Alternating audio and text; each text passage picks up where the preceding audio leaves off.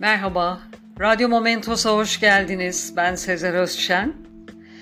Dün akşam o kadar güzel bir söyleşiye katıldım ki, bugün ikinci yayını yaparak hem mekanı, hem değerli anlatıcıyı, hem de İzmir'de bir binanın kültürel değişiminden bahsetmek istedim. Sevgili arkadaşım Senem sayesinde bu söyleşiden haberim oldu ve hemen katılım listesine adımı yazdırdım. Kleopatra'nın atalarından konuşulacaktı yani kadınlardan. Konuşmacı ise Ege Üniversitesi Protohistoria ve Ön Asya Arkeolojisi lisans, Ege Üniversitesi Eski Çağ Tarihi yüksek lisans ve doktora programlarından mezun olan Doktor Ayşe Firuzan Caman'dı.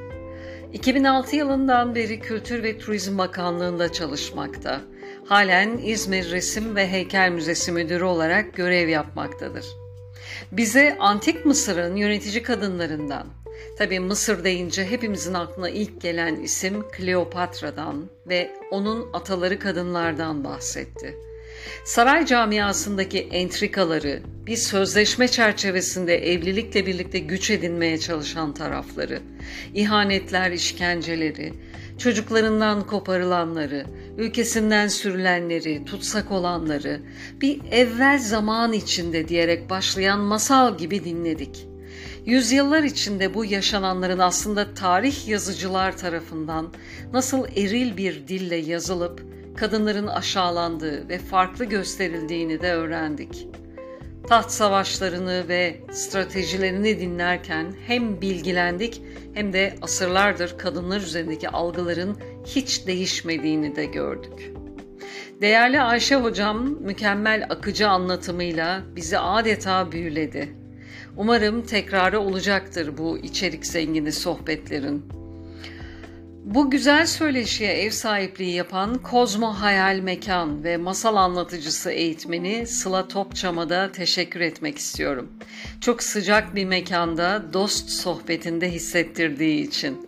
Ayrıca Sıla Topçam'ın önderliğinde bu mekanda Sıla Hanım'ın anlattığı masal anlatıcılığı ve hikayeleştirme eğitimleri, astroloji üzerine sohbetler, film okuma eğitimleri gibi birçok çalışma yapılmakta. Masal yayınları yaptığı podcastleri de mevcut. Mutlaka dinlemenizi, Instagram sayfalarını incelemenizi öneririm. İzmir'de kültürel açıdan birçok hizmeti alabileceğiniz İzmir Kültür Sanat Fabrikası'ndan da bahsetmek istiyorum kısaca.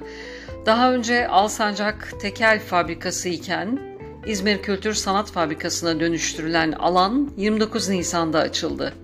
Çocuklar ve büyükler için düzenlenen birçok etkinliğin program dökümü Et İzmir Kültür Sanat Fabrikası hesabında yayınlanıyor. Ayşe hocamız da başta da söylediğim gibi burada resim heykel müze müdürü. Herkesin yararlanabileceği bir alan mevcut. Mutlaka ziyaret edilmesi gereken bir yer. Bugünkü yayın biraz İzmirlilere özel oldu ancak kapılarımızın her gelene açık olduğunu belirtmek isterim. Unutmayın, yolunuz İzmir'den geçerse sevgiden de geçiyor demektir. Dinlediğiniz için teşekkürler. Hoşçakalın, Momentos'la kalın.